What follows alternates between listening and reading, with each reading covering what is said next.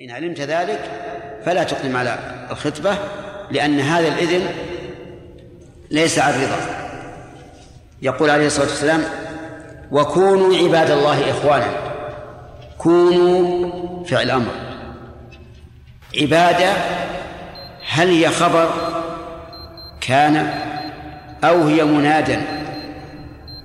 تحتمل. أن تكون منادى وتكون جملة معترضة بين اسم كان وخبرها ويكون إخوانا هو الخبر. أي كونوا يا عباد الله إخوانا. ويحتمل أن تكون عباد خبر لكان وإخوانا خبرا ثانيا. أي كونوا عباد الله أي متعبدين لله على عبادة واحدة إخوانا أي متآخين يحتمل هذا وهذا و... و... وكل منهما صحيح. والله أعلم. إيش؟ البحث. مختلع طيب واحد. ما في أحد يقرأه تقرأ جاز. كمال وين لا ما مسبوق إيه ما ما رفع أبدأ. بسم الله الرحمن الرحيم. الصلاة والسلام على أشرف المرسلين. اللهم صل وسلم أما بعد فهذا بحث مقدم من أحد الطلبة في آه، حديث عدة المختلعة. مختلعة. أو المختلعة. بارك الله فيكم. قال أبو داود رحمه الله حدثنا محمد بن عبد الرحيم البزاز. قال أخبرنا احذف السنة. طيب. عن ابن عباس أن امرأة ثابت بن قيس اختلعت منه فجعل النبي صلى الله عليه وسلم عدتها حيضة. وهذا الحديث رواه عبد الرزاق عن معمر عن عمرو بن مسلم عن عكرمة عن النبي صلى الله عليه وسلم مرسلا. قال المنذري وأخرجه الترمذي مسندا. وقال هذا حديث حسن غريب. وقال في نصب الراية ورواه الحاكم في المستدرك وصححه. قال إلا أن عبد الرزاق أرسله عن معمر وتعقبه صاحب التنقيح وقال الحديث حجة لمن قال الخلع ليس بطلاق إذ لو كان طلاقا لم تعتد فيه بحيضة.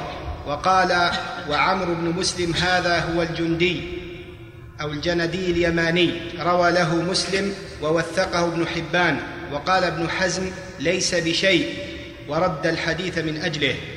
وذكر شيخ الإسلام ثلاث طرق لحديث امرأة ثابت بن قيس بن شماس التي خالعها أن النبي التي خالعها.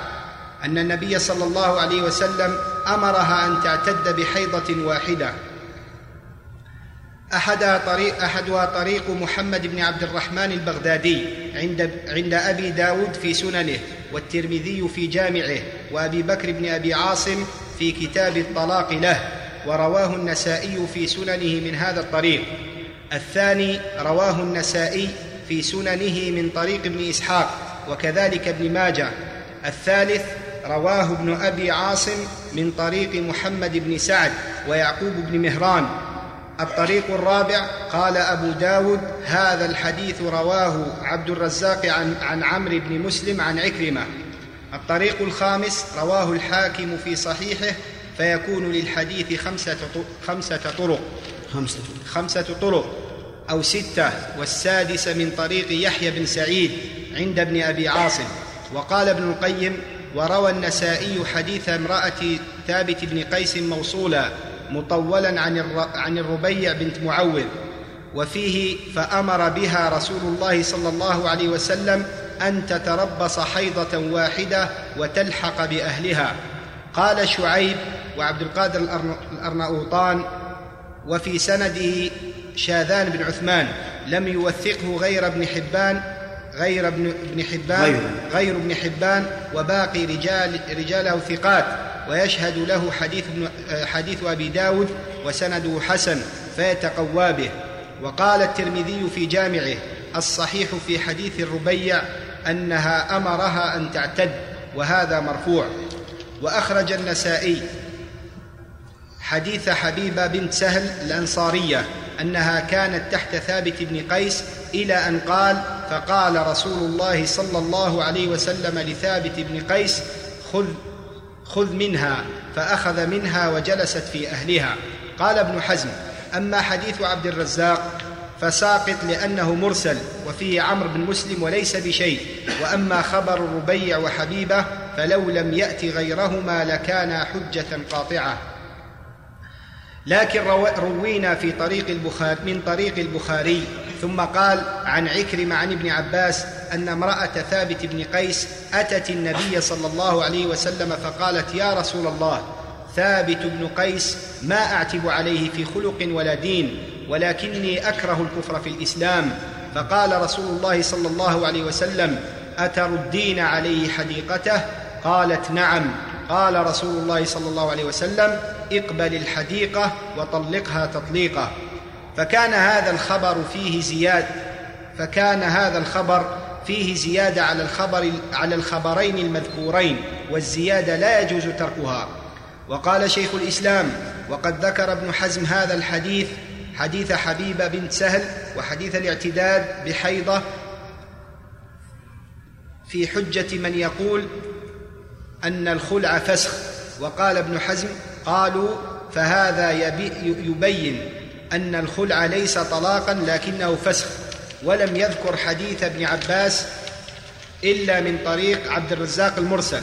قال أما حديث عبد أما حديث عبد الرزاق فساقط لأنه مرسل وفيه عمرو بن مسلم وليس بشيء. وأما خبر ربيع بنت عفراء وحبيبه فلو لم يات غيرهما لكان حجة قاطعة لكن روينا من طريق البخاري اقبل الحديقة وطلقها تطليقا. فكان هذا الخبر فكا فكان أو فكأن الله نعم كان. فكان هذا الخبر فيه زيادة والزيادة لا يجوز تركها. فيقال له أما قولك عن حديث عبد الرزاق أنه مرسل فقد رواه أبو داود والترمذي من حديث هشام أبو داود ليش ما تمد. نعم. أبو داود ولا أبو داود؟ أبو داود. داود. نعم. بالمد. نعم. وإن كانت لا تكتب الواو. اي نعم. كأني فهمت من قراءتك إياها أنها بدون. بالتخفيف نعم نعم. ها؟ داود. هذا إحنا يمكن على على كل يا شيخ داود لكن عندنا كأني لفظت بلفظ جزائري. داود نقوله. أيه. نحن نقول هكذا. بس إحنا الآن في جامع طيب. فقد رواه أبو داود والترمذي من حديث هشام بن يوسف مسندا. ومن ومن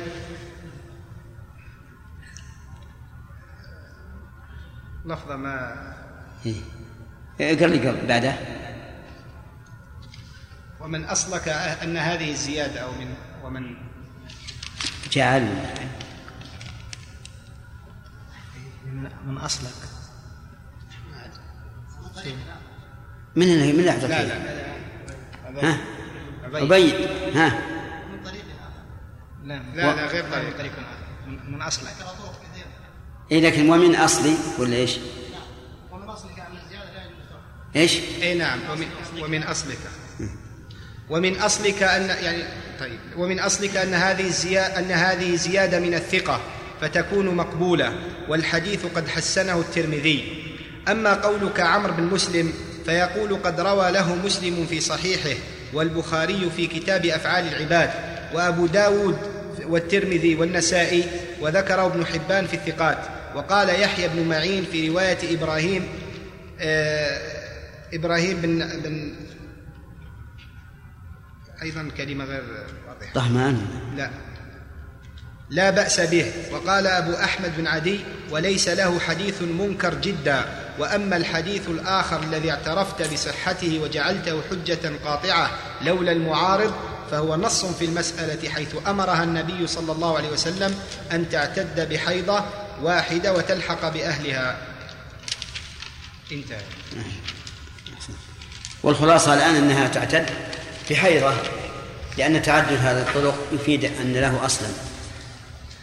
وهو اختيار شيخ الإسلام ابن تيمية رحمه الله وابن القيم وجماعة من العلماء وذلك لأن أصل الاعتداء بثلاث حيض آه، ليس لمجرد براءة الرحم لأنه لو كان كذلك لعلمنا براءته ظاهرا بحيضة واحدة لكن من أجل أن تمتد المدة للزوج.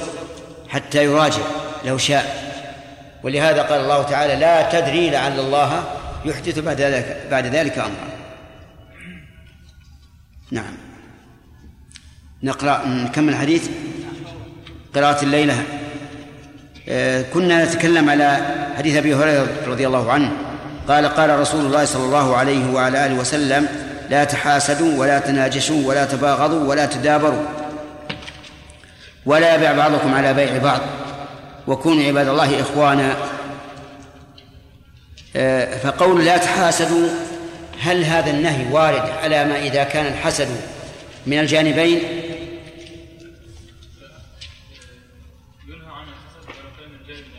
المعنى إذن المعنى لا يحسد بعضكم بعضا. أحسنت طيب. كذلك أيضا قوله صلى الله عليه وسلم ولا تباغضوا. هل المعنى لا يقع البغض, البغض لا تقع البغضاء بين اثنين؟ أو يكفي أن يكون بغض من واحد والآخر ليس مبغضا؟ يكفي أن يكون من واحد ولكن الغالب أنه الغالب أن البغضاء تكون من الطرفين. هل هناك ما يدل على أن الخروج عن هذه الغالب شيء نادر؟ نعم. بريرة كانت تحب كانت تكره زوجها كرها شديدا وهو يحبها حبا شديدا. فماذا قال النبي صلى الله عليه وسلم؟ لا فماذا قال؟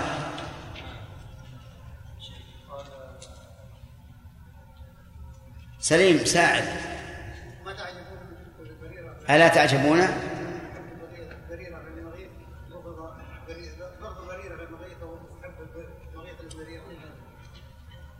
اجزم.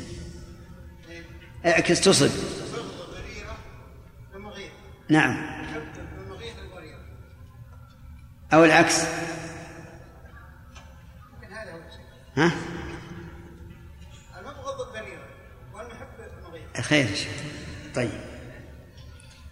قوله ولا تدابروا التدابر له صالح. نعم. التدابر. طيب. طيب. يعني شامل للنوعين جميعا. التدابر المعنوي والتدابر الحسي. تمام.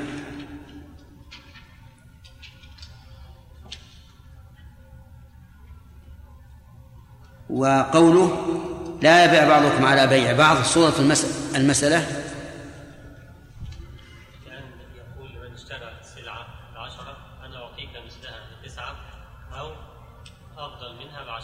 أن يقول لمن اشترى سلعة بعشرة أنا أعطيك مثلها بتسعة أو خيرا منها بعشرة. تمام.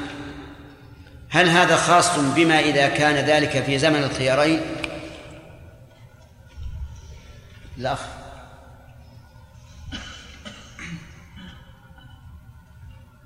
أجب. ها؟ السؤال هل النهي عن البيع على بيع المسلم إذا كان هذا في زمن الخيار أو يشمل ما كان في زمن الخيار وبعده؟ يشمل. أحسنت. طيب. يلا سمير إذا كان في زمن الخيارين في زمن الخيار يعني واضح أنه يحرم. لكن بعد الخيار البيع تم ولزم كيف يحرم؟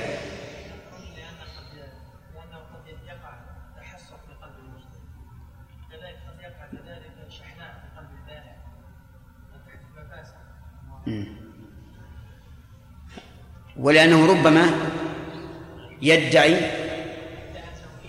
أن في السلعة عيبا يبيح له الرد. نعم طيب. ومثل ذلك؟ الشراء على شرائه. طيب السوم على سومه هل يدخل في هذا؟ ما يدخل؟ نعم. ولا يدخل صح. لكن قد ورد في حديث صحيح أنه نهى عن عن السوم على سوم فهمت؟ طيب. السوم على سوم لم نتكلم عليه ولكننا نقول معنى السوم على سومه عشان نستمع نستمع. آه، أن يركن البائع إلى السوم ولم يبقى عليه إلا أن يطلق البيع على السائم ثم يأتي إنسان ويقول آه، أنا أزيدك. مثاله سام مني رجل هذه السلعة بعشرة ورضيت بالسوم وما بقي علي إلا أن أعقد البيع. فيأتي الإنسان بعد أن علم أنني قد ركنت إلى السوم ويزيد في السلعة هذا حرام. لأنه من جنس الخطبة على خطبة أخيه أما إذا كانت في المزايدة فما تقول يا محمد؟ زايدة؟ أي نعم. لا. يجوز ولا ما يجوز؟ يجوز؟ يجوز تزيد على سوم أخيك؟ لأنها تعتبر من الممارسة ما تقولون؟ يجوز؟ يجوز. ووجه ذلك أنه في باب المزايدة لم يقتنع البائع بإيش؟ بالسوم. ويقول من يزيد؟ من يزيد. طيب. كونوا عباد الله إخوانا ذكرنا أنه يجوز في عبادة في قوله عباد الله يجوز فيها وجهان في الإعراب. إبراهيم؟ الأول أنها خبر كان والثاني تكون منادى. طيب. تقدير التقدير على كونها منادى؟ طيب. على تقدير أنها خبر فماذا يكون إعراب إخوانا؟ حال وهي غير مشتق.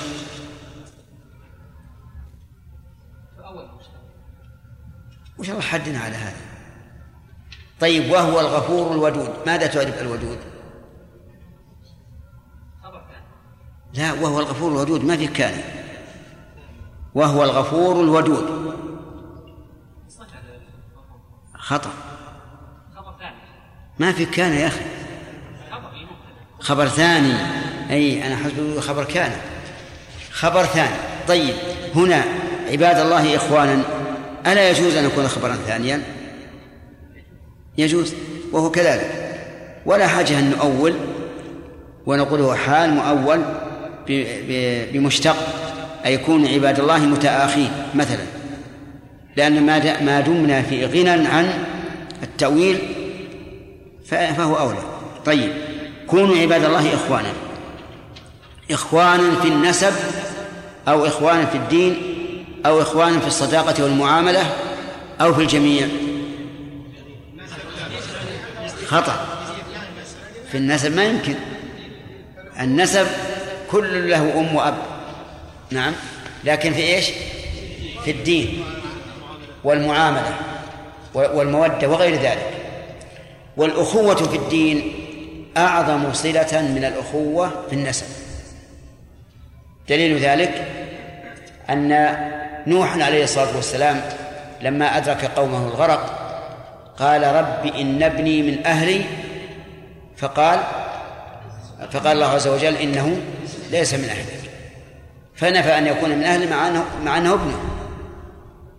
وفي الفرائض في المواريث إذا كان أخو الميت مخالفا له في الدين فإنه لا يرث منه. إذن الأخوة في الدين أقوى من الأخوة في النسب. طيب. وكون عباد الله إخوانا المسلم أخو المسلم. المسلم أخو المسلم هذه أيضا من من عبارات الاستعطاف. يعني أخوك المسلم هو أخ لك. فعامله معاملة الأخ لأخيه. لا يظلمه. لا يظلمه. والظلم سبق لنا مرات كثيرة. أنه إما إيش؟ اعتداء أو نقص. إما اعتداء عليه أو نقص في حقه. مثال الأول أن يدعي ما ليس له على هذا الرجل ومثال الثاني أن ينكر ما هو له. والظلم يكون في ثلاث أشياء كما سيأتي في الحديث. آه، ولا- ولا يخذله. الخذلان هو أن يذله في موضع في موضع يحب الانتصار فيه. هذا هو الخذلان. ترى مثلا شخصا آه، متسلطا على آخر والثاني المتسلط عليه يحتاج إلى نصر فتضيف إليه تسلطا آخر. فهذا خذلان. ولا سيما إذا كان الثاني الذي يحتاج إلى نصر إذا كان الثاني من أهل الحسبة الذين يأمرون بالمعروف وينهون عن المنكر. فترى شخصا يأمر بالمعروف وينهى عن المنكر وقد سلط عليه رجل من الفساق بسب أو شتم أو ما أشبه ذلك أو ضرب. فتعين هذا الفاسق على خذلان هذا الآمر الناهي يكون هذا أشد. ومن ذلك أيضا أن تكتم الشهادة في موضع يحتاج أخوك إلى أن تقيمها له. فإن هذا خذ- خذلان له. ولا, ولا يحقره. يحقره يعني يراه حقيرا سواء رأى ذلك في قلبه أو في كلامه ومخاطبته إياه فإنه لا يحل للإنسان أن يحقر أن يحقر أخاه بل الواجب عليه أن يعليه لكن لا يرحمك الله لكن لا يرفعه فوق منزلته. ثم قال صلى الله عليه وسلم التقوى ها هنا ويشير إلى صدره. التقوى ها هنا التقوى ها هنا التقوى ها هنا ثلاث مرات. وها هنا اسم إشارة. لكنها إشارة للمكان. قال ابن مالك رحمه الله وبهنا أو ها هنا أشر إلى إيش؟ دان المكان. وبهنا أو ها هنا أشر إلى دان المكان. وبه الكاف صلة في البعد. فتقول هناك للبعيد هنا للقريب ها هنا إيش؟ القريب. لأن ها ها هنا هي هنا لكن دخلت عليها هاء التنبيه. كما دخلت هاء التنبيه على ذا في قولك هذا فلان وأصلها ذا فلان. طيب. يقول التقوى ها هنا ويشير إلى صدره ثلاث مرات. ثم قال بحسب امرئ من الشر أن يحقر أخاه المسلم. بحسب أي كافي والب هنا حرف جر زائد لتحسين اللفظ. وهو خبر مقدم والتقدير حقران الأخ المسلم كاف في الشر. وإن شئت فاجعل آه، حسب مبتدأ وأن يحقر خبره. يعني لك أن تجعل حسب مبتدأ وأن يحقر خبره وأن تجعله خبرا مقدما. وهذا هو الأصل. لأن الزيادة زيادة الحرف في الخبر أكثر من زيادتها في المبتدأ. بحسب امرئ من الشر أن يحقر أخاه المسلم وإن لم يتكلم. حتى لو اعتقد في قلبه أن هذا الرجل المسلم حقير فإن هذا يكفيه من الشر والعياذ بالله. فكيف إذا أضاف إلى ذلك؟ أن يتكلم فيما يحقره مثل أن يقول مثلا أنت لا تعرف أمثلك يتكلم؟ وما أشبه ذلك من الكلمات التي يحقر بها أخاه. يقول كل المسلم على المسلم حرام. ثم فسر هذه الكلية بقوله دمه وماله وعرضه. دمه يعني أن يعتدي عليه بالقتل أو الجرح وماله أن يعتدي على ماله بالسرقة أو بدعوى باطلة وعرضه أن ينتهك عرضه أمام الناس بالغيبة. ويشمل أيضا العرض يعني ما يتمتع به الإنسان من الأخلاق, فيأتي الإنسان مثلا ويعيب في في هذا. وأعظم شيء في في العرض أن يقذفه بالزنا واللواط والعياذ بالله. فإن هذا من أعظم ما يكون من انتهاك العرض. في هذا الحديث فوائد عظيمة وآداب جليلة. منها النهي عن الحسد. لقوله صلى الله عليه وسلم لا تحاسد. وهل الحسد من المحرمات الصغائر أو من الكبائر؟ هو من الكبائر. من كبائر الذنوب. لما لأنه لأن النبي صلى الله عليه وسلم أخبر بأنه يأكل الحسنات كما تأكل النار الحطب. والعقوبة قد تكون بحصول العقوبة أو بحصول مكروه وقد تكون بفوات محبوب. انتبه. العقوبة قد تكون بحصول مكروه وقد تكون بفوات محبوب. يأكل الحسنات كما تأكل النار الحطب. فوات محبوب من من اقتنى كلبا إلا كلب ماشية أو حزن أو صيد انتقص كل يوم من أجله قيراط. هذا أيضا فوات محبوب أو حصول مكروه بأن يتوعد بالعذاب أو باللعنة أو ما أشبه ذلك. ومن فوائد الحديث أيضا تحريم المناجشة. وقد سبق معناها في الشرع. ولكنها ليست من الكبائر. لأنه لم يرد فيها عقوبة خاصة ولا. ومن فوائده النهي عن التباغض والنهي عن التباغض يعني الأمر بالتحاب ولا يمكن أن تقوم الأمة وتتحد كلمتها إلا إلا بالمحبة ولا يمكن لأي إنسان أن يدعي أنه مع أخيه وأنه ولي له إلا إذا كان يحبه.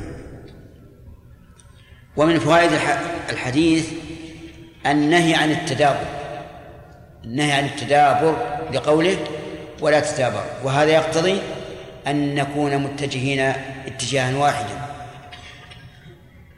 وأن نتأدب في الجلوس بحيث لا يكون أحدنا موليا ظهره لأخيه. ومن فوائد الحديث أن هذا الدين الإسلامي أكمل الأديان في المعاملة حيث نهى عن هذه الأخلاق التي توجب الافتراق ومن فوائد هذا الحديث تحريم بيع المسلم على بيع أخيه. لقوله ولا يبيع بعضكم على بيع بعض فإن قال قائل إذا ثبت ذلك فهل يفسخ البيع الثاني وتعاد السلعة للأول؟ الجواب نعم. إذا علمنا أن هذا الإنسان معتدي وأنه باع على بيع أخيه فلنا أن نفسخ البيع ونرد, ونرد الصفقة إلى الأول. ولكن إذا سمح من بيع على بيعه فهل يسقط الإثم ويمتنع الفسخ فالجواب أما امتناع الفسخ فلا شك فيه. أنه إذا سمح الذي بيع على بيعه وقال أنا لا يهمني أشتري سلع أخرى من مكان آخر. فلا شك أن العقد يبقى. وأما الإثم فإن كان إن قلنا إنه لحق الآدمي المحض فإنه يسقط الإثم. وإن قلنا إنه لحق الآدمي لكنه تعلق به حق الله لكون الرسول عليه الصلاة والسلام نهى عنه وقد ارتكب النهي وثبت الوزر قلنا إنه لا يسقط الإثم. فالله أعلم. ومن فوائد هذا الحديث أن الواجب علينا أن نكون عبادا لله. وهذا يقتضي أن نتوحد في العبادة وألا نختلف وأن الواجب أيضا أن نكون إخوانا. وعلى هذا فلا يحل لنا أن نتفرق في دين الله وعبادة الله بحيث يضلل بعضنا بعضا ويبدع بعضنا بعضا. بل إذا رأينا من أخينا مخالفة لنا في العقيدة أو في العمل القولي أو الفعلي فإن الواجب أن إيش؟ أن نعم أن أن نناقشه ننصحه إن كان دون دوننا ونناقشه إن كان مثلنا. لا أن نذهب ونوليه الأدبار ونذهب, ونذهب نتكلم فيه عند الناس فيبقى هو في ضلاله. ويحصل التفرقة بين الأمة. ونحن نأسف كثيرا لما حدث بين بعض الشباب وبعض حيث نرى أن بعضهم يحمل على الآخر حملا عظيما بدون أي مبرر. اختلاف في رأي والاختلاف في الرأي لا يستلزم اختلاف القلب أبدا. بل يجب إذا خالفني في رأيه متبعا للدليل يجب أن أشعر بأنه لم يخالفني. السبب لأنه عمل كعملي بالضبط. ولو أنني شعرت شعرت في هذه الحال أنه على باطل لكنت قد ادعيت لنفسي مقام الرسالة والنبوة وأنه يجب عليه أن يتبع ما ما أقول. ومن فوائد هذا الحديث آه، استعمال ما يحصل به الإلفة حتى في الألفاظ وذلك بأن تستعمل الألفاظ التي فيها الاستعطاف والحنو لقوله صلى الله عليه وسلم المسلم أخو المسلم. ومن فوائده أنه لا تجوز المؤاخاة بين المسلم والكافر. فلا يجوز أن تقول للكافر إنه أخي. اللهم إلا في أخوة النسب فالأمر ظاهر. لكن في غير أخوة النسب لا يجوز أن تقول إنه أخي. عرفتم؟ طيب. فإن قال قائل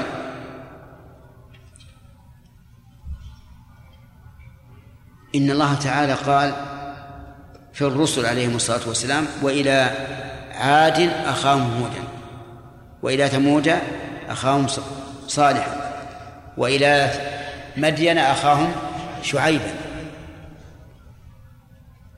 قلنا الجواب أن المراد بذلك أخوة النسب لأنه منهم.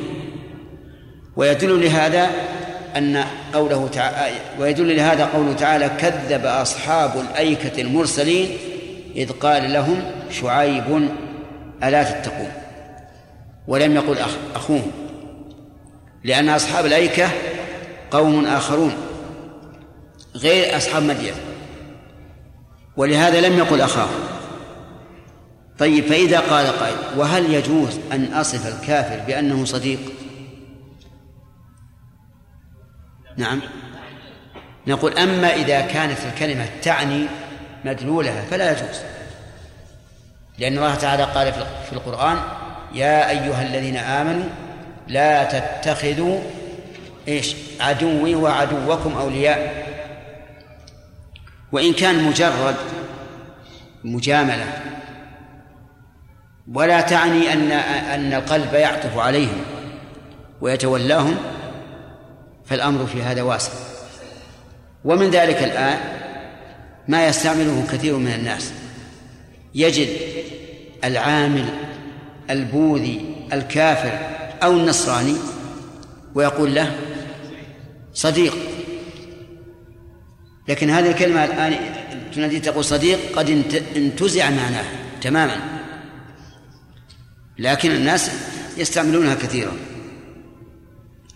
ومن فوائد هذا الحديث أنه أن مقتضى الأخوة انتفاء هذه الأمور الثلاثة وهي الظلم والخذلان والاحتقار. وأن وجودها ينافي الأخوة الإسلامية. ومن فوائد هذا الحديث أن احتقار المسلم من كبائر الذنوب. لأن النبي صلى الله عليه وسلم توع- توعد عليه وقال بحسب امرئ من الشر أن يحقر أخاه المسلم وهذا يت- يتفرع عليه مسألة أخرى وهي أن الواجب للمسلم على أخيه أن يراه في منزلة معظما لا محقرا لكن بدون إيه؟ بدون مغالاة. نعم. ومن فوائد هذا الحديث أن مدار العمل على القلب وأن التقوى مصدرها من القلب لقوله التقوى ها هنا ويشير إلى صدره الذي فيه القلب.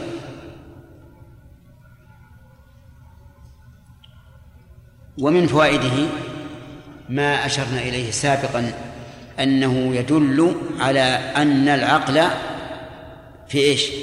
في القلب. ومن فوائده تكرار الحديث.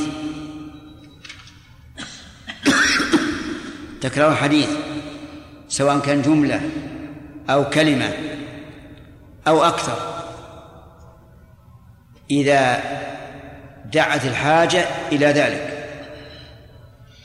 لأنه كرر التقوى ها هنا ولم يكرر غيرها من الألفاظ ليبين أهمية كون القلب متقيا. ومن فوائد هذا الحديث تحريم المسلم على أخيه في ماله ودمه وعرضه. وغير المسلم غير المسلم ينقسم إلى أربعة أقسام. معاهد وذمي ومستأمن ومحارب. فالثلاثة الأصناف الأولى هؤلاء محترمون معصومون. وهم إيش؟ المعاهد والذمي والمستأمن. وأما المحارب فليس معصوما لا في دمه ولا في ماله. ومن ومن فوائد الحديث تحريم هذه الأمور الثلاثة على نعم من المسلم على أخيه المسلم. وأما على الكافر فكما عرفتم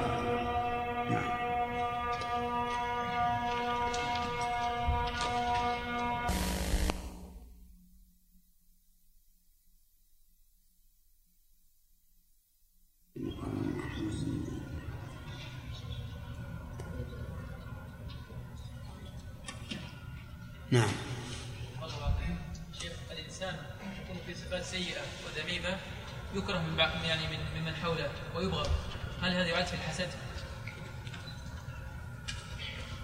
القاعده ان الحسد زوال نعمه وهنا ما نعمه هنا مذمه فواحد يك- يكره بها هذا يحسد بها هذا طيب إذا كان يكره أن تبقى هذه الأخلاق السيئة الأخلاق السيئة في أخيه هو مؤمن يعني بس في بعض صفات كالأنانية واستئثار إيه. واحد يبغضه.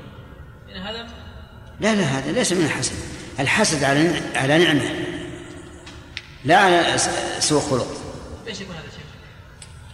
يكون هذا صحيح. يكون هذا الرجل محبوبا من وجه ومكروها من وجه محبوبا لما معه من الإيمان والأخلاق الفاضلة ومكروها لما معه من من الأخلاق السيئة. شيخ أحسن الله إليك. ما هو تنظيم الشرع؟ للمعاملة مع الحربي في عدم حرمة دمه وماله وعرضه. لابد من في نظام حتى أو لا. يعني نظام إيش؟ يعني لابد أنه في تنظيم في التعامل معه. حتى لا نخالف الشرع مثلا في معاملتنا معه. أو انه انسان متى آه، وجد دمه أو مال- وماله وعرضه يتصرف فيه كما يشاء. سؤال. الجواب إذا كان بينك وبينه عهد فهو محترم. بس المشكلة الآن لو قال قائل هل هناك الآن حربي؟ نعم نعم. ها؟ نعم. ما أدري. اليهود. نعم. لكن مو الآن ب... ب... يعني هناك عهد عام بين الدول اتفقوا عليه في هيئة الأمم المتحدة؟ وش نقول بهذا؟ اليهود انتهى كل شيء منتهى هو على كل حال الله قال فما استقاموا لكم فاستقيموا لهم يعني هم إذا نقضوا العهد معنا ننقض العهد ويكون هذا نقضا خاصا. وهذا مقدم على العهد العام. فمثلا في اليهود الآن هل اليهود بيننا وبينهم عهد على وضع الحرب؟ الذين يمثلون القضية وهم زعماء الفلسطينيين عاهدوا عاهدوا اليهود الآن. والذين من ورائهم الآن يطلبون الصلح والسلم. لكن لنفرض أن في أي بلد مثلا في قضية البوسنة والهرسك قبل وضع الصلح بينهم هم حربيون. فإذا لقيت أحدا منهم فهو حلال الدم حلال المال. لك أن تقتله كما أنه هو لو قدر لقتلك. ولا يرضى يا شيخ نعم. عرضه كنسائهم إيش؟ عرضه كنسائهم كيف؟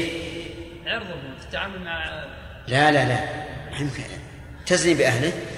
لا قصدي مثلا هنا السؤال يعني. أنت إذا قتلته ذاك الساعة ننظر عليه إذا كان معه أهل هل يكون يكون سبيا أو يكون في بيت المال لأنك ما قتلته لا ما قتلته بحرب. والسبي إنما يكون عند القتال بحرب. نعم.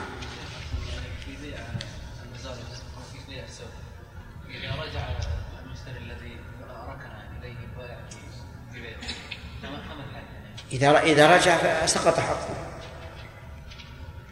يعني لو رأيت أن البائع ركن إلى آه إلى السائل يريد أن يبيع عليه. ثم إن البائع عدل عن هذا عن هذه العزيمة. فلك أن تزيد. كالخطبة على كالخطبة على خطبة أخيه بالضبط. يعني السوم على سومك كالخطبة على خطبته. متى رد أو أذن فإنه يجوز السوم. وهل للمشتري ان يقول أنا رجعت ما دام في ذلك المجلس؟ كيف؟ اوصلها لذلك الساعة. قال رجعت لا اريده لا بأس. ما في مانع. طيب اذا سوف تسقط السلعة قليلا قليلا. ترجع إلى سعرها الأول. ما ما عليه ما عليه ما دام هذا شيء- راجع لي والشرع جعل لي الخيار. حتى بعد اللزوم حتى بعد عقد البيع لي الخيار ما- ما دام في المجلس.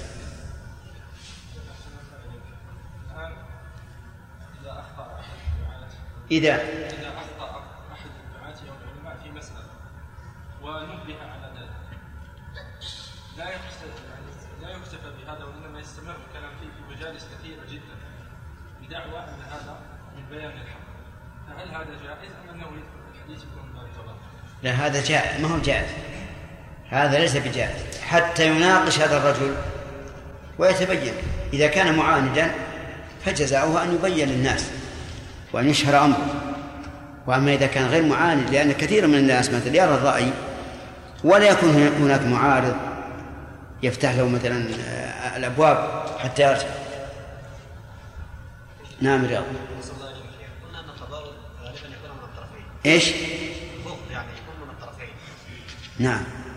فإذا كان انسان نعلم أنه يبغض إنسان. نعم. لكن الآخر إذا لقيه تسلم عليه واجتنب شره ومع علمه بانه مثلا يبغضه هل يأسم إذا تجنبه أم ماذا يكون عليه؟ يعني يأثم إذا هجره قصدك لا لا الهجرة غير واردة. يعني إذا لقيه يسلم عليه. إذا كلمه يكلم معه بالمكتوب فقط. نعم. هل يأسم في هذه المسألة؟ أبدا. ما ما يأثم. لا يأثم. إذا كان لا يعني يكرهه ولا ولا يألفه ولا يستطيع أن يجلس معه في مجلس ما هو لازم. نعم. إذا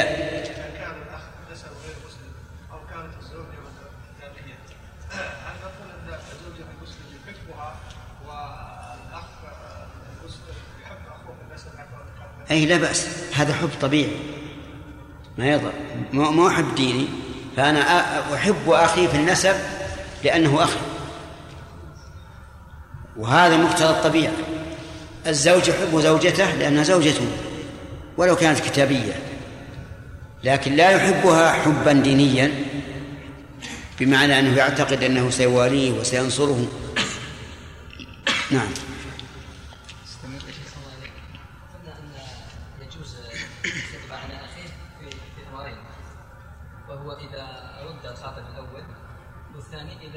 اذن له نعم.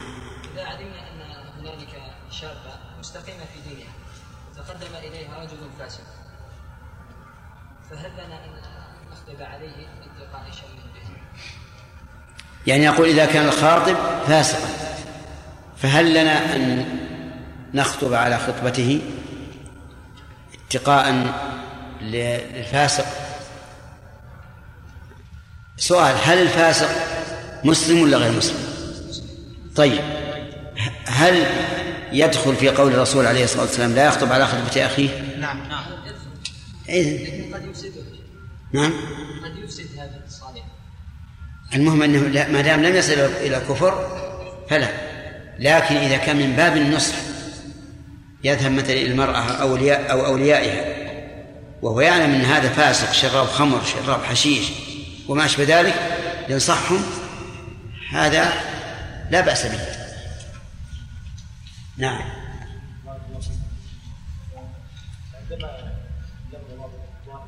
عند. عندما تكلمنا بعض الاطباء في مساله القلب وال- والعقل قال يعني كيف في بعض الحالات تاتي الينا فيموت القلب تماما والعقل ما زال حي بل كل العكس كيف يرد عليه؟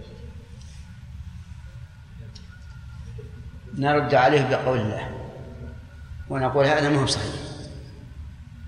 هذا ما هو صحيح. نعم. سامع ذكرنا أمس مسألة شيخ ما فهمتها. إيش؟ ذكرنا بالامس مسألة ما فهمت وجه اخراجها وهي؟ قلنا إذا قال لمن اشترى سلعه بعشرة أنا اعطيك مثلها بعشرة. قلنا إن هذه الصورة لا تدخل في الحديث. سؤال إيش؟ هذه الصورة لا تدخل في الحديث. نعم. ما وجه اخراجها من الحديث؟ لأن هذا ما ذهب على بيع؟ إذ أن إذ أنه إذا قال هكذا فإنه لا يمكن أن يفسخ البيع لي- لي- لي- ليعطيه هذا. اللهم إلا لسبب مثل صديق أو ما أشبه ذلك ربما. فيكون هذا من جنس قولي أنا أعطيك منها مثل بأقل أو أعطيك أكثر مما أعطيك فهذا يكون فيها تفصيل. نعم. فيكون في المسألة تفصيل. إيش؟ يعني فيكون في هذه الصورة تفصيل إن كان يخشى أن يفسخ اي نعم نعم نعم التحريم إذا كان يخشى أن يفسخ هل عدم الخذلان وعدم الاشتقاء خاص بالمسلم أم يشترك أيضا الكافر؟ عدم إيش؟ عدم الخذلان للمسلم وعدم احتقاره إيه. هل الكافر يكون؟ لا الكافر الكافر احتقر ولا تبالي به وليس له رفعة إطلاقا لكن قل هل يشمل العالم والجاهل؟ لأن الله يقول يرفع الله الذين آمنوا منكم والذين أوتوا العلم. فهل إذا رأيت جاهلا هل يجوز أن تحتقره؟ الجواب لا. لأن النبي عليه الصلاة والسلام قال المسلم أخو المسلم لا يحقره والجاهل كافر إيش؟ وقع عليه ظلم نعم.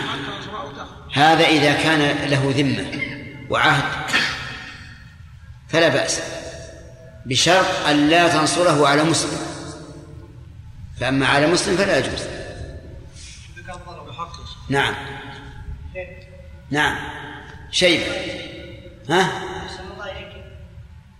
أصحاب البدع الذين يروجون بدعتهم هل يجوز للإنسان أن يتكلم فيهم ليبين للناس ورغم أنهم يدعون العلم وهم قوات أولياء. إيه. ويقولون الناس ببعض الأشياء. لا هؤلاء يجب أن يبين أمرهم للناس دعاة البدع يجب أن يبين أمرهم للناس وأن يحذر الناس منهم. وأن يبين للناس أنه لا يحل لهم أن- يقتدوا بظاهر حالهم. وإلا لو سكتنا انتشرت البدع. وانتشر وانتشر الشر. فالواجب بيان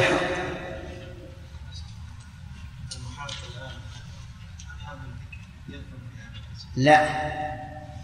المحارب حربا فكريا ينظر. إن كان حربه هذا يؤدي إلى الردة فدمه هدر لكن الذي يتولى قتله ليس كل واحد من الناس بل الذي يتولى قتله هو الإمام أو نائب. وإن كان الحراه الفكري لا يقتضي الردة فهو فسق ولا يجوز قتله. شيخ قول الرسول صلى الله عليه وسلم ولا يحقر عرف الناس عدم القيام بالمصافحة يخش يدخل الاحتقار لا ما اعتقاد. بس في العرف الآن عند العامة ما عرف من؟ عرف العوام الآن كما تقول المصافحة ما لا يرى ما هل ترون هذا؟ يعني انسان دخل على المجلس سلم وجلس. هل يقال ان إن أهل المجلس احتقروه؟ نعم. ها؟ عجيب. كيف؟ لازم المجلس كله ما على كل حال. إذا دخل إذا دخل أجنبي وله قيمته المجتمع صحيح. الناس يقومون. لكن دخل زميلك أو صديق. أنتم مثلا لكم دورية. كل ليلة عند شخص. ودخل واحد منكم. هل إنه لازم يقومون له؟ لا ما هو عن حتى عند العامة كل مقام منه مقام. لكن لو دخل أمير أو وزير أو عالم نعم قاموا له. إيش؟ يجوز أن تغتابه إذا كان في مصلحة لا بأس. حتى المسلم إذا كان اغتيابه لمصلحة فلا بأس. وقد قال النبي صلى الله عليه وسلم لفاطمة بنت قيس حين جاءت تستشيره في ثلاثة رجال خطبوها أسامة بن زيد وأبو سفيان وأبو جهل. نعم معاوية وأبو جهل. أخبرها أخبرها بالخبر. وقال إن معاوية صعلوك لا مال له. وأما أبو جهم فكان ضرابا للنساء. انكحي أسامة فانكحت نعم. يا. نعم. قلنا أن النجش ليس من الكبائر ليس إيش؟ قلنا أن النجش الشيخ ليس من الكبائر كيف؟ قلنا عبد الله عنكم يا شيخ أن النجش ليس من الكبائر وذلك لأنه لم يرتب عليه وعيد خاص نعم. ألا يلزم هذا يا شيخ النجش في عموم قول النبي صلى الله عليه وسلم واتقوا الظلم فإن الظلم ظلمات. قوله صلى الله عليه وسلم غش ليس منا لا ما, ما أظن. هو دخوله في قول اتقوا الظلم قد يكون لكن ما هو صريح. أما من غش فليس منها قطعا لم يدخل فيه. نعم. لا لا ما لا صادق. ولا إذا بي عليه ياخذ صالح؟ إيش؟ ولا يخطب أحدكم على خطبه أخيه. كيف خطب معاوية وأبو جهل؟ إيه. هذا أشكال لا بأس به. يقول كيف خطب هؤلاء الثلاثة؟ فاطمة بنت قيس. وقد ثبت أن النبي صلى الله عليه وسلم نهى أن يخطب الرجل على خطبة أخيه. هذا هل كل واحد منهم كان يعلم أنه قد خطب؟ أن أن اخاه قد خطب؟ اذا يحمل على هذا. يتوارد على خطبتها وهم لا يعلمون. هنا وهذا يقع كثيرا. سمعت الشيخ بارك الله فيك أحيانا نمر في الطريق نجد مجموعة من المسلمين يقفون مع شاب نصراني. هذا الشاب مثلا يقف بإيش؟ يقف مع شاب آخر نصراني. مع إيش؟ شاب آخر نصراني. إيه. ويعلمهم بعض الأشياء التي تخالف مع شاب. مع شاب نصراني. ولا شاب؟ شاب نصراني. إيه. ويعلمهم بعض الأشياء التي تخالف الشريعة الإسلامية. إيه. فحينما نسلم عليهم نستبشر في وجوههم ونبتسم في وجوههم؟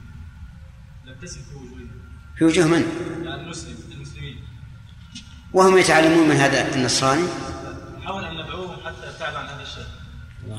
على كل حال الدعوة الدعوة لها أساليبها الخاصة وتختلف باختلاف الأشخاص اختلاف الأحوال.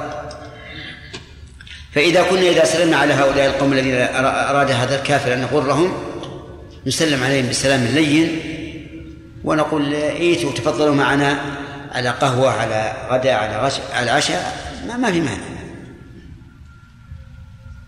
نعم. هل إذا كان المشتري غبنوا في أعرف أنه غبن شخص يعرف أنه غبن. أقل بكثير في مكان أو قد تكون مغشوشة. لكن المشتري لا يعلم ذلك. إيه؟ هذا يجب يجب أن تبلغ وتقول المشتري السلعه بأقل من هذا بكثير في مكان آخر. ولو ولو كان يسمع أو تأخذه على لا ما هو ولا كان يسمع لو كان يسمع يمكن يتكلم عليه. لكن تأخذه إلى جنب وتبين له. لأن بعض الناس والعياذ بالله إذا رأى المشتري غريرا لا يعرف جعل ما يساوي مئة بمئتين ولا يبالي. ويرى أن هذا كسب والواقع, أنه ليس بكسب. لأن المشتري لا لا يحسن معاكس وقد قال العلماء رحمهم الله في هذه الحال إنه إذا تبين أن المشتري مغبون فله خيار الغد نعم. اللي وراء يلا.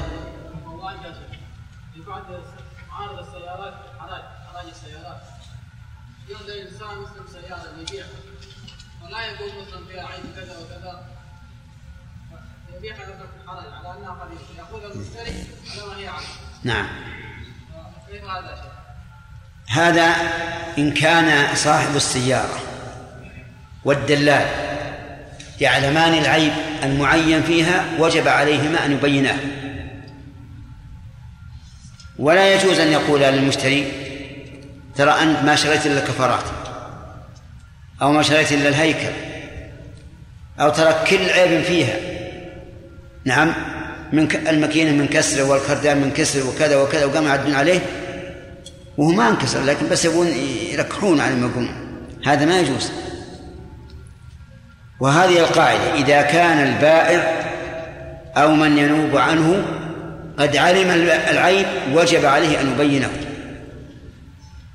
فلو أنه لم يبينه وقال للمشتري إني أبيعه عليك وأبرئني من من العيوب فقال أبرأتك وهو يعلم أن فيها عيبا فإنه لا لا يبرأ بذلك عرفت؟ أنت عرفت ولا لا؟ ها؟ إيش؟ واحد شغال يفضل بهذه السيارات ياخذ السياره لا يعرف إذا كان البائع هذا المسوق لا يعرف إذا كان باع بعيبه أو لا عيبة ما يدري عنها شيء. هل هذا عن الدلال شيء؟ إذا كان الدلال لا يعلم ليس عليه شيء. لكن إذا علم المشتري أن البائع قد علم ولكنه كتمه عنه وعن الدلال فله أن يفسخ العقد. نعم. عليكم السلام. أنكرت على أحد أئمة المساجد أنه يطيل الدعاء بعد خطبتي الجمعة. بعد؟ بعد خطبتي الجمعة. على أن الرسول صلى الله عليه وسلم لم يفعل ذلك إلا بعارض. نعم. فقال ذلك يجوز أن هذا واستدل بأن كثير من الائمه أئمة المساجد يفعلون هذا. نعم. ولم ولم يذكر دليل الإجازة. نعم. فماذا تقول يا شيخ؟ نرى أنه لا بأس به. لكن الإطالة التي تمل لا ينبغي. وقد روي عن وقد روي عن النبي عليه الصلاة والسلام أنه كان يستغفر للمؤمنين في كل جمعة في الخطبة. لكن حديث ضعيف إلا أن عمل الناس على أنه لا لا بأس. أما الإطالة المملة أو الدعاء المستوع الذي يتبرم الإنسان منه فهذا لا ينبغي. لا في خطبة الجمعة ولا في قنوت الوتر. إذا يختص بالجمعة يا شيخ الرسول صلى الله عليه وسلم يفعل ذلك إلا بعارض ما يضر لكن ما, ما نهى عنه. ما نهى عنه. والدعاء لأئمة المسلمين اليوم الناس في حاجة لهذا الناس في حاجة إلى الدعاء لأئمتهم. وهذا المكان أو هذا الجمع لا يتسنى للإنسان إلا في هذه المناسبة. فليستغل الفرصة. أما كان يطول مثلا ربع ساعة وهو يدعو ما لا داعي. نعم. عبد الله الغاني لماذا خص؟ الاحتكاك في هذه الجملة بحسب بحسب امرئ من الشارع ان يقدر اخاه المسلم نعم. مع الظلم والخذلان أيضا اي لأن الغالب أن من يحقره يعتدي عليه لأنه يهون في عينه. واحتقار المسلم يكون له أثر بالغ في المحتقر حتى يكاد يتميز من الغير وهذا كما في حديث أبي بكرة ألا أنبئكم بأكبر بأكبر الكبائر؟ قالوا بلى يا رسول الله قال الإشراك بالله وعقوق الوالدين. وكان متكئا فجلس فقال وشهادة الزور. مع أن الإشراك بالله أعظم لكن لما كان هذا أمرا يبتلى به كثير من الناس اهتم به النبي عليه الصلاة والسلام. والاحتقار كثير من ما يقع من من شخص لا يمكن أن يظلمه مثقال حبة. لكن يحتقر ولا يبالي. شيخ مسألة بيع السيارة مثل هذا. ها؟ إذا كان المشتري عالما بالعيب يعني يعلم أنه يشتري سيارة معيبة فما وجه التحريم يعني البيع أخبر أنها كلها عيوب. لا ما عي... ما عين العيب. هو لو عين العيب لا بأس. لو قتل فيها أن أنها صدمت وصلحناها. أو أن آه، ماكينتها بدلت. هذا ما في بأس. ألسنا نمنع خشية إلحاق الغبن بالمشتري؟ كيف؟ يعني ألسنا نمنع الآن الآن شوف إذا إذا عرضت هذه هذه السيارة أو أي سلعة وقلت فيها العيب الفلاني تنقص قيمتها ولا لا؟ تنقص؟ اللي نفرض أنها نقصت عشرة المئة وإذا قلت إن إن أبيع عليك هذه السلعة لكن ترى كل عيب فيه. هل ينقص تنقص القيمة عشرة في المئة؟ أو لا؟ حسب حال السيارة. نعم؟ حسب الحال حسب حال السيارة. ها ما بين لي الآن. تجد المشتري يشتري ويخاطر. يقال رب يقول ربما قال البائع هذه الكلمة من أجل أن يثبتني على البيع وإلا فليس فيها شيء. الآن شيخ معظم يشترون عندهم خبرة يعني ينظر ويفهم هل قيمتها كم؟ ما هو على كل ما هو على كل حال. خصوصا اللي يشترون من تحت الميكروفون عما يقولون. ما يدرون. أبدا. ولهذا قال الشيخ الإسلام رحمه الله على قول الفقهاء إنه إذا أبرأه من العيب فإن كان قبل العقد أو حين العقد فإنه لا يصح الإبراء وإن كان بعده فلا بأس لأنه إسقاط. قال هذا خلاف المروي عن الصحابة. المروي عن الصحابة أنه إذا كتم العيب ولكن شرط البراءة من كل عيب تقريرا بالمشتري فإن له خيار الفسخ سواء قبل العقد أو بعد عقد وهذا هو هو الراجح لا شك. إيش؟ أنا ورجل نعم. يشتغل عندي ثم في الشهر يعني. إذا اتفقت مع شخص يشتغل عندك 500 ريال في الشهر. ثم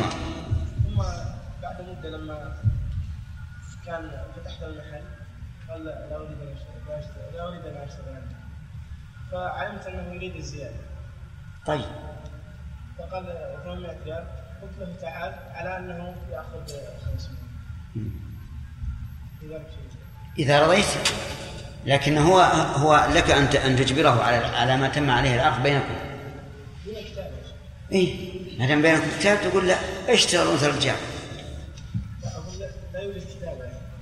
إذا كان لا يوجد كتابة فهذا المستأجر لا يجوز ان يدعي ما, لم يكن. لكن لو ادعى ثم رفعت إلى القاضي فالقاضي يقول ما دام ما في شروط معينة بينكما فلا بد أن ترضيه مع أني أنا لا أشير على الإنسان إذا اختلف مع العامل في قدر الأجرة مثلا لا أشير عليه أن يرافعه الحاكم ثم يحكم له بالأقل لأنه إذا فعل هذا فسوف إيش؟ أي نعم سوف يفسد العامل العمل ولا يقوم باللازم. انتهى الله والحمد لله والصلاة والسلام على رسول الله. قال الحافظ بن حجر رحمه الله تعالى في باب الترهيب من مساوي الأخلاق من كتاب بلوغ المرام فيما نقله عن قتبة بن مالك رضي الله عنه قال كان رسول الله صلى الله عليه وسلم يقول اللهم جنبني منكرات الأخلاق والأعمال والأهواء والأدواء. أخرجه الترمذي وصححه الحاكم واللفظ له. وعن ابن عباس رضي الله عنهما قال قال رسول الله صلى الله عليه وسلم لا تماري أخاك ولا تمازح ولا تعده موعدا فتخلفه. أخرجه الترمذي بسند ضعيف. وعن أبي سعيد الخدري رضي الله عنه قال قال رسول الله صلى الله عليه وسلم خصلتان لا يجتمعان في مؤمن البخل وسوء الخلق. أخرجه الترمذي وفي سنده ضعف. وعن أبي هريرة رضي الله عنه قال قال رسول الله صلى الله عليه وسلم المستبان ما قال فعلى البادئ ما ما قال فعلى البادئ. ينتصر المستبان ما قال فعلى البادئ ما لم يعتد المظلوم أخرجه مسلم. وعن أبي سلمه رضي الله عنه قال قال رسول الله صلى الله عليه وسلم من ضار مسلما ضاره الله ومن شاق مسلما شق الله عليه. أخرجه أبو داود والترمذي وحسنه. بسم الله الرحمن الرحيم الحمد لله رب العالمين وصلى الله وسلم على نبينا محمد وعلى آله وأصحابه ومن تبعهم بإحسان إلى يوم الدين. هذا الباب الذي ساق المؤلف في هذه الأحاديث في بلوغ المرام هو باب الترهيب من مساوئ الأخلاق والمساوئ ضد المحاسن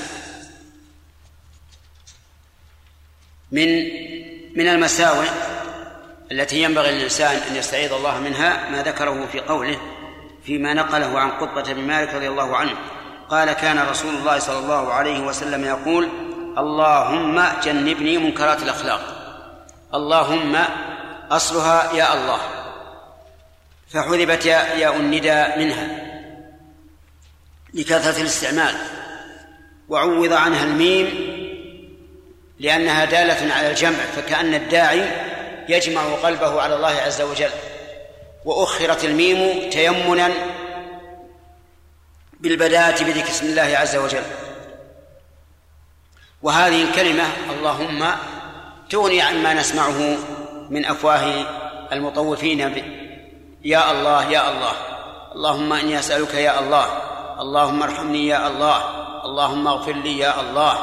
وكأن الله تعالى لا يسمع حتى يكرر هذا النداء الذي لم أسمع منه في السنة أن الرسول دعا بمثل ذلك وإنما يدعو بقوله اللهم جنبني منكرات الأخلاق. سوى الصف يا رجل يا رجل ليش تأخر عن ادخل في الصف ولا أطلع بالصف الثاني.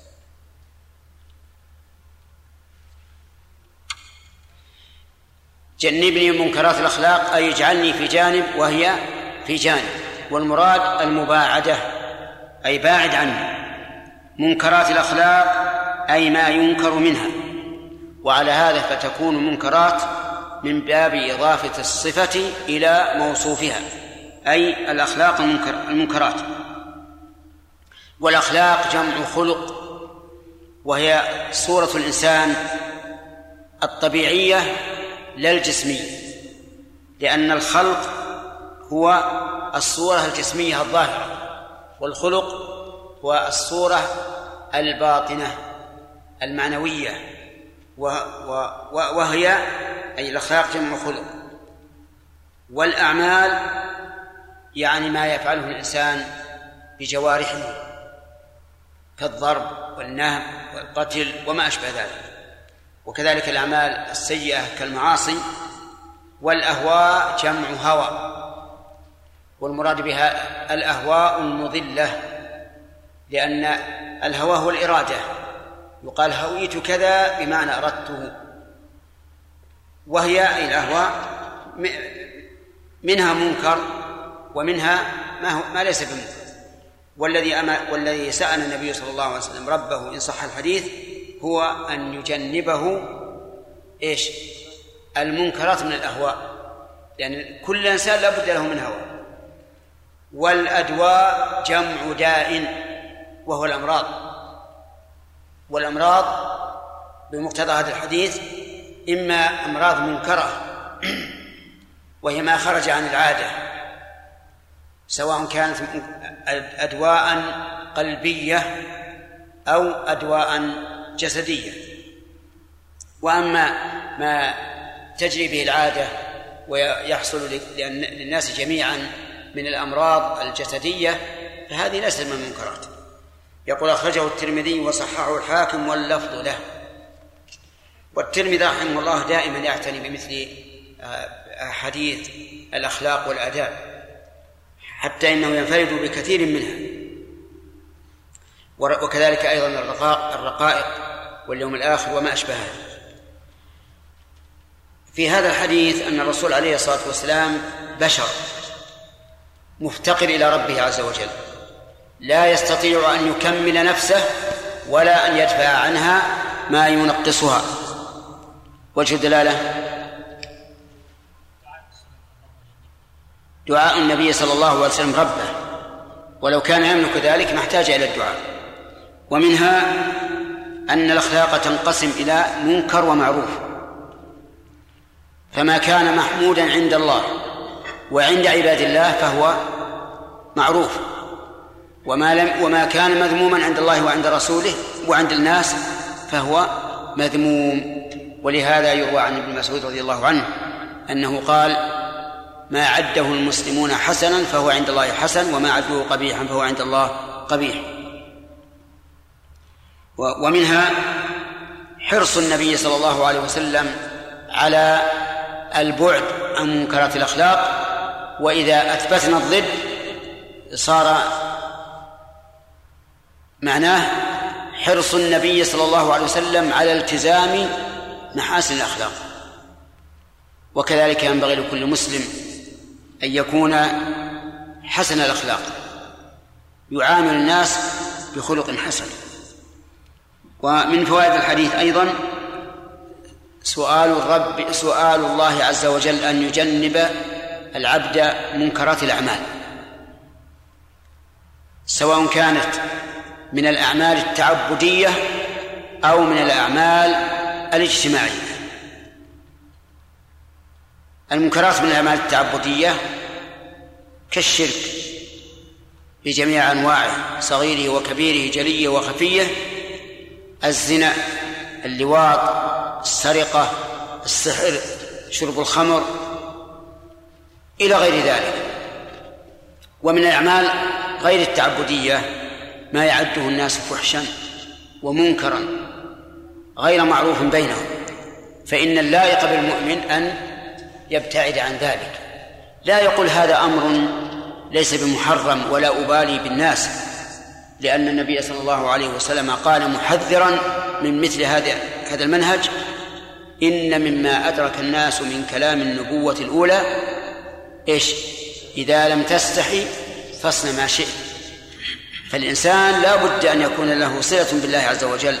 وهذا في العبادة ولا بد أن يكون له صلة مع الناس لأنه مدني بالطبع. فلا يفعل ما ينكر عند الناس وإن كان لا ينكر عند الله. ومن فوائد الحديث أن الأهواء نوعان منكر ومعروف. فمن كان هواه تبعا لما جاء به الرسول عليه الصلاة والسلام فهواه يا أخ أجب فهواه معروف. وما كان مخالفا لما جاء به الرسول عليه الصلاة والسلام فهواه منكر. وقد جعل الله تعالى المتبع لهواه جعله عابدا لهواه. فقال تعالى أفرأيت من اتخذ إلهه هواه وأضله الله على علم وختم على سمعه وقلبه وجعل على بصره غشاوة فمن يهديه من بعد الله؟ ومن فوائد هذا الحديث جواز سؤال المرء أن لا يصيبه الله تعالى بمرض منكر. وهذا نوع من من الدفع. هذا نوع من الدفع. فإذا نزل المرض وسألت الله أن يشفيه فهذا نوع من إيش؟ من الرفع. والإنسان مأمور بدفع الأذى عن نفسه ورفعه عن نفسه. فإذا دعاء الإنسان أن لا يصيبه الله تعالى بمرض منكر ليس ليس مخالفا للسنة. ولا مخالفا للرضا بالقدر بل هو من القدر وهو أيضا مما وافق السنة. لأن الإنسان إذا مرض فاته شيء كثير من الأعمال الجليلة النافعة وضاقت عليه نفسه وصار لا ينشرح صدره لعباده ولا لخلق. فإذا رزقه الله تعالى صحة صار نشيطا منشرح الصدر مطمئن القلب. المهم أنه ينبغي أن ندعو الله تعالى. بهذا الدعاء تأسيا بمن؟ بالرسول صلى الله عليه وسلم. وعن ابن عباس رضي الله عنهما قال قال رسول الله صلى الله عليه وسلم لا تمار أخاك الممارات المجادلة انتصارا للنفس. انتبه الممارات هي إيش؟ المجادلة انتصارا للنفس. أما المجادلة انتصارا للحق فهذا ليس من المراء المذموم. وقول أخاك يعني المسلم. وقول ولا تمازح أي لا تكثر معه المزاح. وربما يقال ولا تمازحه حين يتأذى بالمزاح. وذلك لأن المسح مذموم في حالين. الأولى إذا كان كثيرا. فإن بعض الناس لا يكاد يتكلم بكلمة إلا مازحا وهذا غلط. لأنه يذهب ويميت هيبة العبد. والثاني المزاح المؤذي. لأن بعض الناس لا لا يحب أن تمازحه ولو مرة واحدة. بل يريد, بل يريد أن يكون كلامك معه على سبيل الجد فالنهي إذا صح الحديث محمول على أحد الأمرين. الأول يا أخ. الأول. النهي عن المزاح محمول على أمر أحد أمرين. الأول.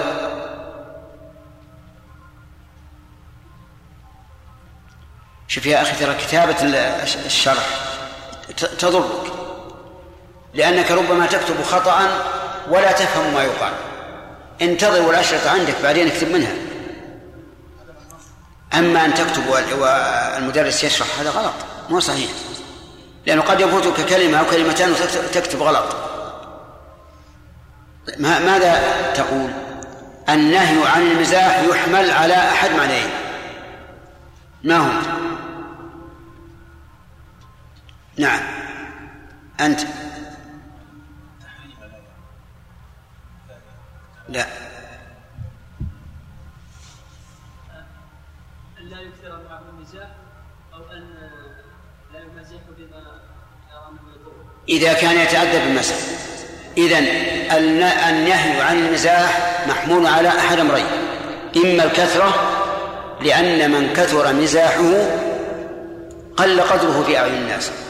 هذا واحد. أو إيش؟ أو إذا كان يؤذي صاحبه ولو مرة واحدة فلا يمازح.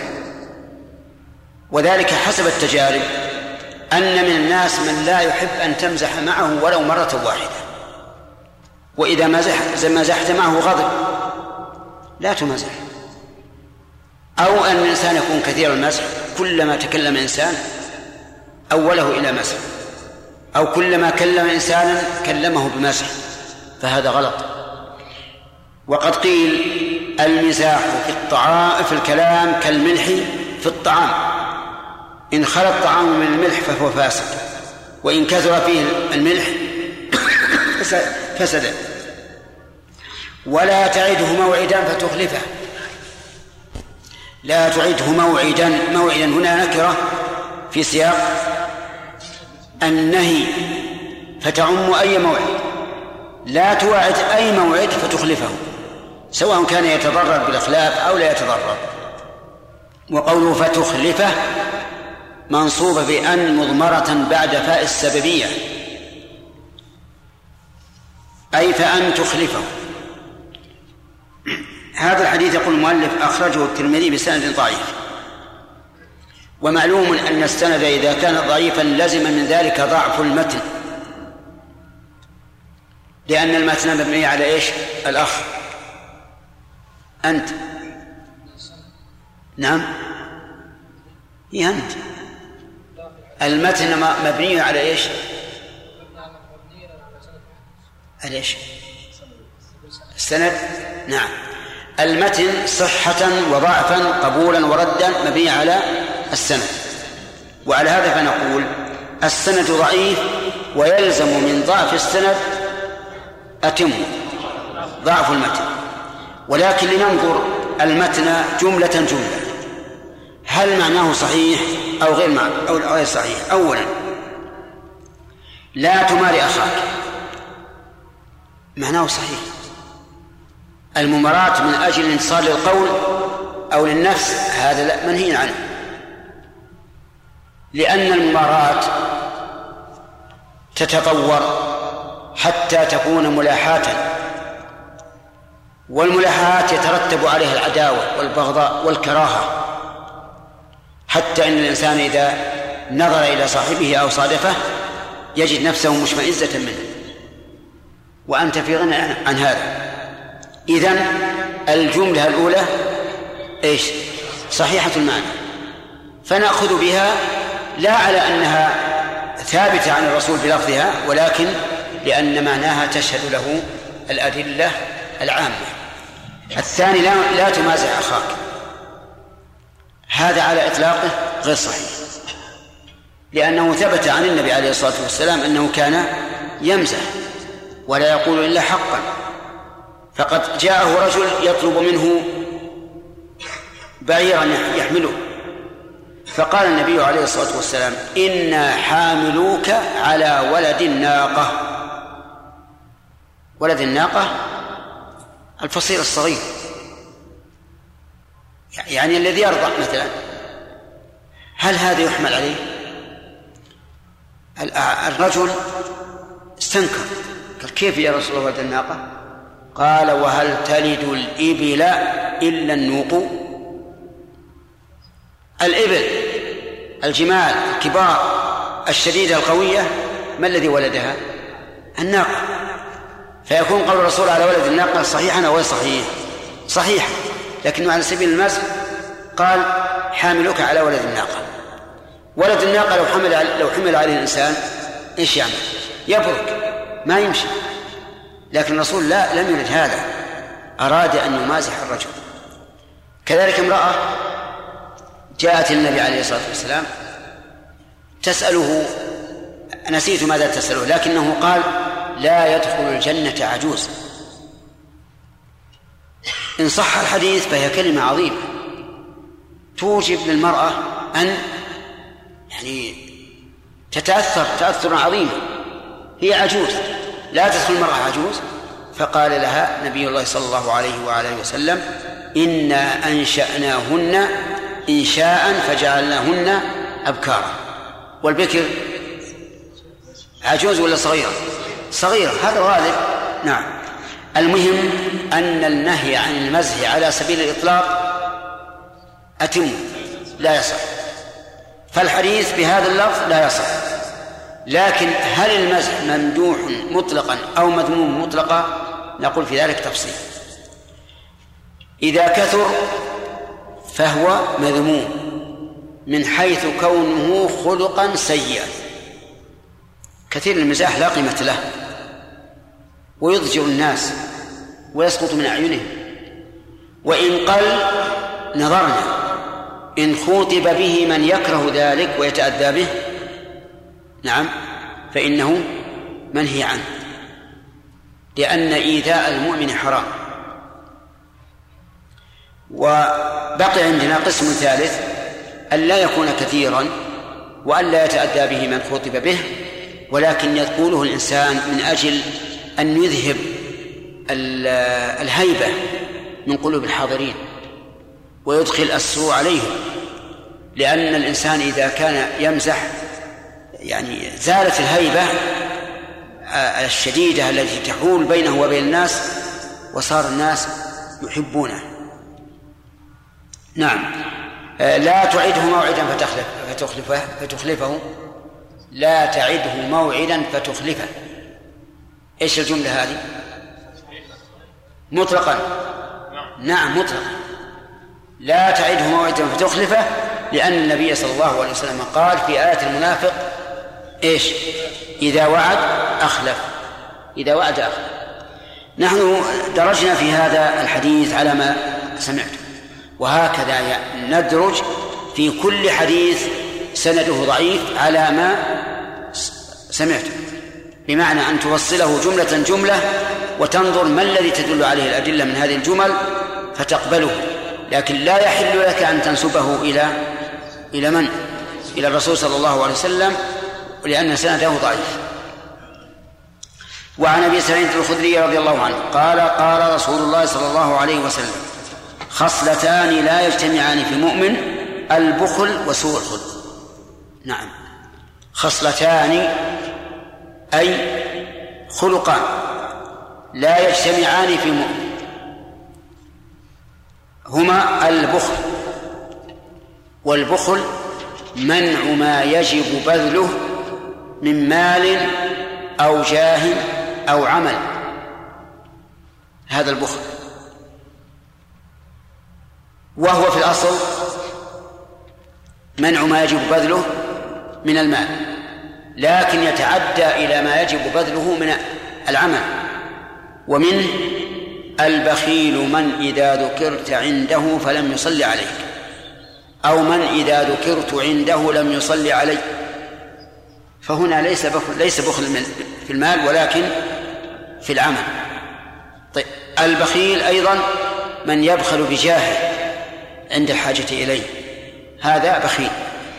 سوء الخلق الخلق كما آه ذكرنا الجبلة والتطبع سوء الخلق بالنهر والزجر وما أشبه ذلك. ولهذا كان المؤمن لا يمكن أن يبخل بالمال مع سوء الخلق أبدا. المؤمن كامل الإيمان. لأنه إن وجد بذل وإن لم يجد قال قولا ميسورا. كما قال تعالى وإما تعرضن عنهم ابتاء رحمة من ربك ترجوها إيش؟ فقل لهم قولا ميسورا. مثال ذلك رجل غني. جاءه إنسان يسأل يسأله شيء من المال وهو غني. قال روح انقلع ما عندنا شيء.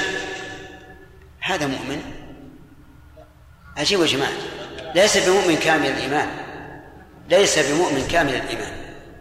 طيب آخر غني جاءه سائل. قالوا يا أخي الآن ليس بيدي شيء. تأتينا مرة أخرى ييسر الله لك. هذا بخل لكن خلقه حسن. قد يكون المؤمن كامل الإيمان ويبخل ولا يعطي لكن لكنه يقول قولا ميسورا إلا أنه مع ذلك ناقص عن الكمال. ناقص عن الكمال لأن الكمال مع الغنى أن يبذل ويعطي. طيب. إنسان فقير. جاءه إنسان يسأل. الروح أنا ما عندي ما أشبعت عيالي حتى أعطيك. هذا بخي فقير لكنه أساء الثلث. يعني منعه الإعطاء بحق, بحق لأنه لا يجد. لكنه سيء الخلق. آخر فقير سئل فقال للسائل يا أخي أنا ما عندي شيء. عيالي أحيانا يموتون يبيتون جياعا ما عندي شيء. لعل الله يرزقك من غيره هذا ها؟ هذا لا يذم بل يحمل أنه رد ردا ميسورا. المهم أن هاتين الخصلتين البخل وسوء الخلق لا يجتمعان في مؤمن أي مؤمن إيش؟ كامل الإيمان. طيب. يقول أخرجه الترمذي وفي سنده ضعف. كان المؤلف رحمه الله هون ضعف هذا الحديث بالنسبة للحديث الأول لأن الأول قال بسند ضعيف فجزم بضعف السند على سبيل الإطلاق. أما هذا قال في سنده ضعف وهذا أهون تضعيفا من الأول. لكن مع ذلك هذا الحديث ليس على إطلاقه. لأننا لو أخذنا بإطلاقه لقلنا إن المؤمن لا يمكن أن يكون بخيلا سيء الخلق مع أن هذا قد يكون في المؤمن. وحينئذ يجب حمل النفي هنا على نفي إيش؟ كمال الإيمان. وعن أبي هريرة رضي الله عنه قال قال رسول الله صلى الله عليه وسلم المستبان ما قال فعل البادي ما لم يعتد المظلوم أخرجه مسلم. المستبان على وزن المفتعلان وأصل المستبان المستببان. المستببان. أي اللذان يسب بعضهما بعضا. والسب ذكر ذكر المخاطب بما يكره. والغيبة ذكر الغائب إيش؟ بما يكره. فإذا تساب رجلان صار أحدهما يشتم الآخر. يقول أنت بخيل. قال البخيل أنت.